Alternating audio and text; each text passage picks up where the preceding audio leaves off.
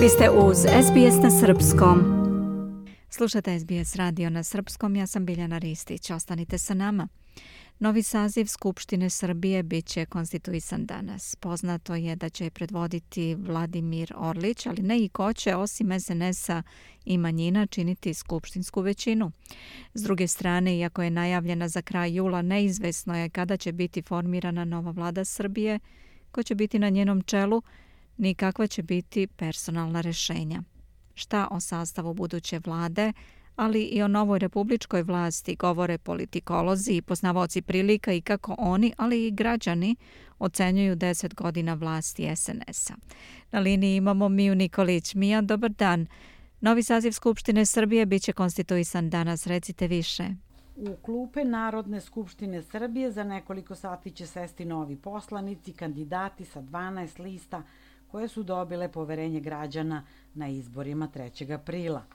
A najviše mandata 120 ima Srpska napredna stranka sa koalicijonim partnerima koja će dati i predsednika parlamenta, a slede socijalisti sa 23 poslanika u Skupštinu Srbije, će za razliku od prošlog skoro jednopartijskog saziva ponovo ući i opozicija, kako proevropska, ekološka, tako i proruska, a za koju analitičari kažu za sve njih da donose osveženje i novo više glasje tako preko potrebno političkom životu Srbije.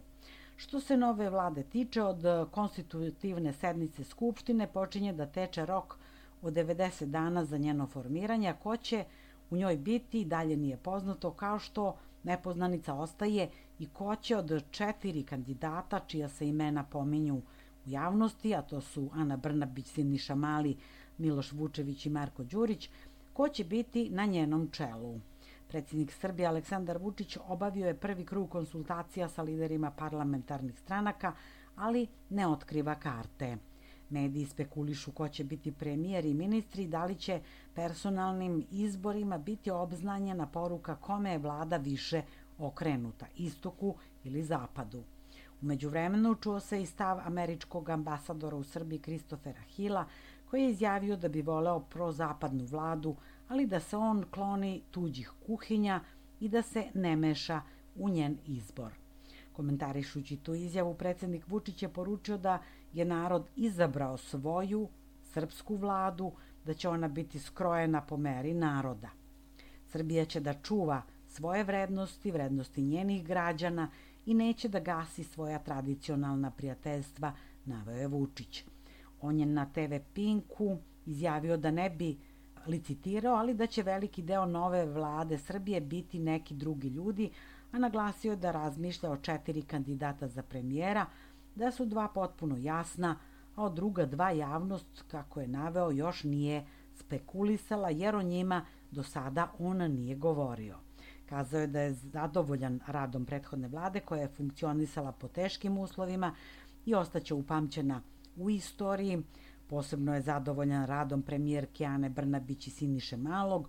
Dodao je da će dobar deo ministara biti zamenjen, neka imena će ostati ista, ali nije želeo da licitira brojem ljudi koji će ući ili neće u novu vladu. Da. Mija, šta o sastavu buduće vlade, ali i o novoj republičkoj vlasti govore politikolozi i poznavoci prilika? Deo analitičara uglavnom je saglasan u jednom – personalna rešenja u vladi jesu važna poruka za svet, ali praktično nije važno ko su ministri jer je težište moći na jednom mestu. Vladimir Pejić iz agencije Faktor Plus kaže da Vučić vodi tu neku izbalansiranu politiku i da u principu to i ne krije. Ona ne misli da će buduća vlada ići u pravcu ispunjavanja želja bilo istoka, bilo zapada, već da će je prečiniti ljudi odani Vučiću, stranci i državi. Dragan Popović iz Centra za praktičnu politiku kaže da je svaka vlada od 2012. a i ova će takva biti, skrojena po meri Vučića i da nema drugog kriterijuma. Sve ostalo je retorika u zavisnosti od toga kome se poruka upućuje i kakav je politički trenutak.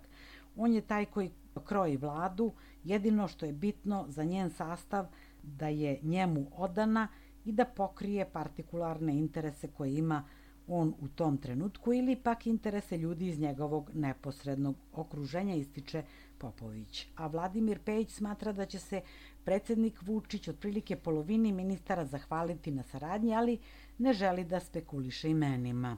On očekuje da će se rad vlade osvežiti sa oko 50% novih imena, To prema dosadašnjem maniru Vučića mogu biti i ljudi koji nisu stranački aktivni, no misli da ona neće biti ekspertska, već politička i smatra da će onih 50% e, koji ostanu služiti da se zadrži kontinuitet. I sociolog Vladimir Vuletić očekuje vladu kontinuiteta i podsjeća da je Vučić kao prioritete postavio očuvanje politike, ekonomske i socijalne stabilnosti kao i očuvanje mira u regionu. Dragan Popović pak veruje da i u budućoj vladi ponovo ima mesta za sve. Za ljude poput Vulina, ali i poput Zorane Mihajlović, jer ne vidi razloge zašto bi Vučić menjao konja koji dobija, kaže Popović. U javnosti se spekuliše da će SPS ostati u novoj vladi, a kao razlog za odugovlačenje sa njenim formiranjem koje se očekuje sredinom septembra, to je pet i po meseci od izbora, a teoretski moguće je prolongiranje do čak 4. novembra, navode se kompleksne geopolitičke okolnosti. Analitičari su saglasni, kogod bude sedeo u Nemanjinoj 11 neće imati lag zadatak, jer prestoje nestabilnosti i veliki izazovi u svakom smislu, od ekonomskih, energetskih, pa do političkih i vojnih, međususedskih, kosovskih. Ja, pošto se navršilo deset godina od kako je SNS na vlasti, predsednik Vučić je izjavio da je ponosan na ono što je postignuto, ali kako poznavaoci prilika mediji i građani ocenjuju deset godina vladavine SNS-a? Neki su zadovoljni jer imaju stalan posao i redovnu platu, drugima je dovoljno to što imaju mir i leba da jedu, no ima i onih koji pitaju kako smo do ovde došli, i za penziju koju primaju govore da je socijala jer sa njom se živeti ne može. I mediji različito ocenjuju 10 godina naprednjačke vlasti. N1 naslovom mnogo afera, mnogo aktera, ali Vučić svoje ljude ne da. A kurir tekstom pod nazivom Vučić 10 godina na vlasti, novo lice Srbije, poštovanje, prosperitet, stabilnost helikopter, krušik, plagijat, kolaps u EPS-u, naplatna rampa u Doljevcu, Sava Mala, Jovanjica, afera za aferom, a nigde odgovornih iz redova vlasti. Umesto smene za upitne kadrove, predsednik Srbije i lider SNS-a imao je samo reči hvale i podrške, a i kad nije, bilo je to samo prividno. Na pitanje zašto je tako, analitičari konstatuju to je opasna simbioza, stoji u uvodniku N1. Sagovornici kurira, s druge strane, ističu da zemlja ne liči na ono što je Srpska napredna stranka zatekla 2012.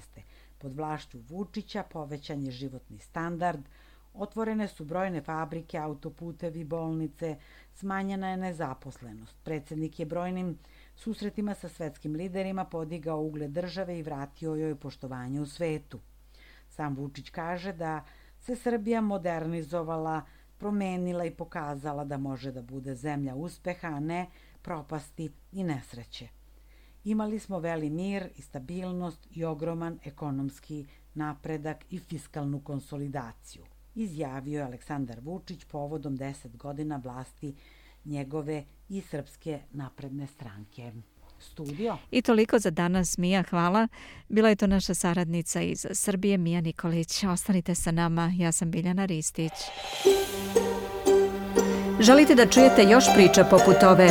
Slušajte nas na Apple Podcast, Google Podcast, Spotify ili odakle god slušate podcast.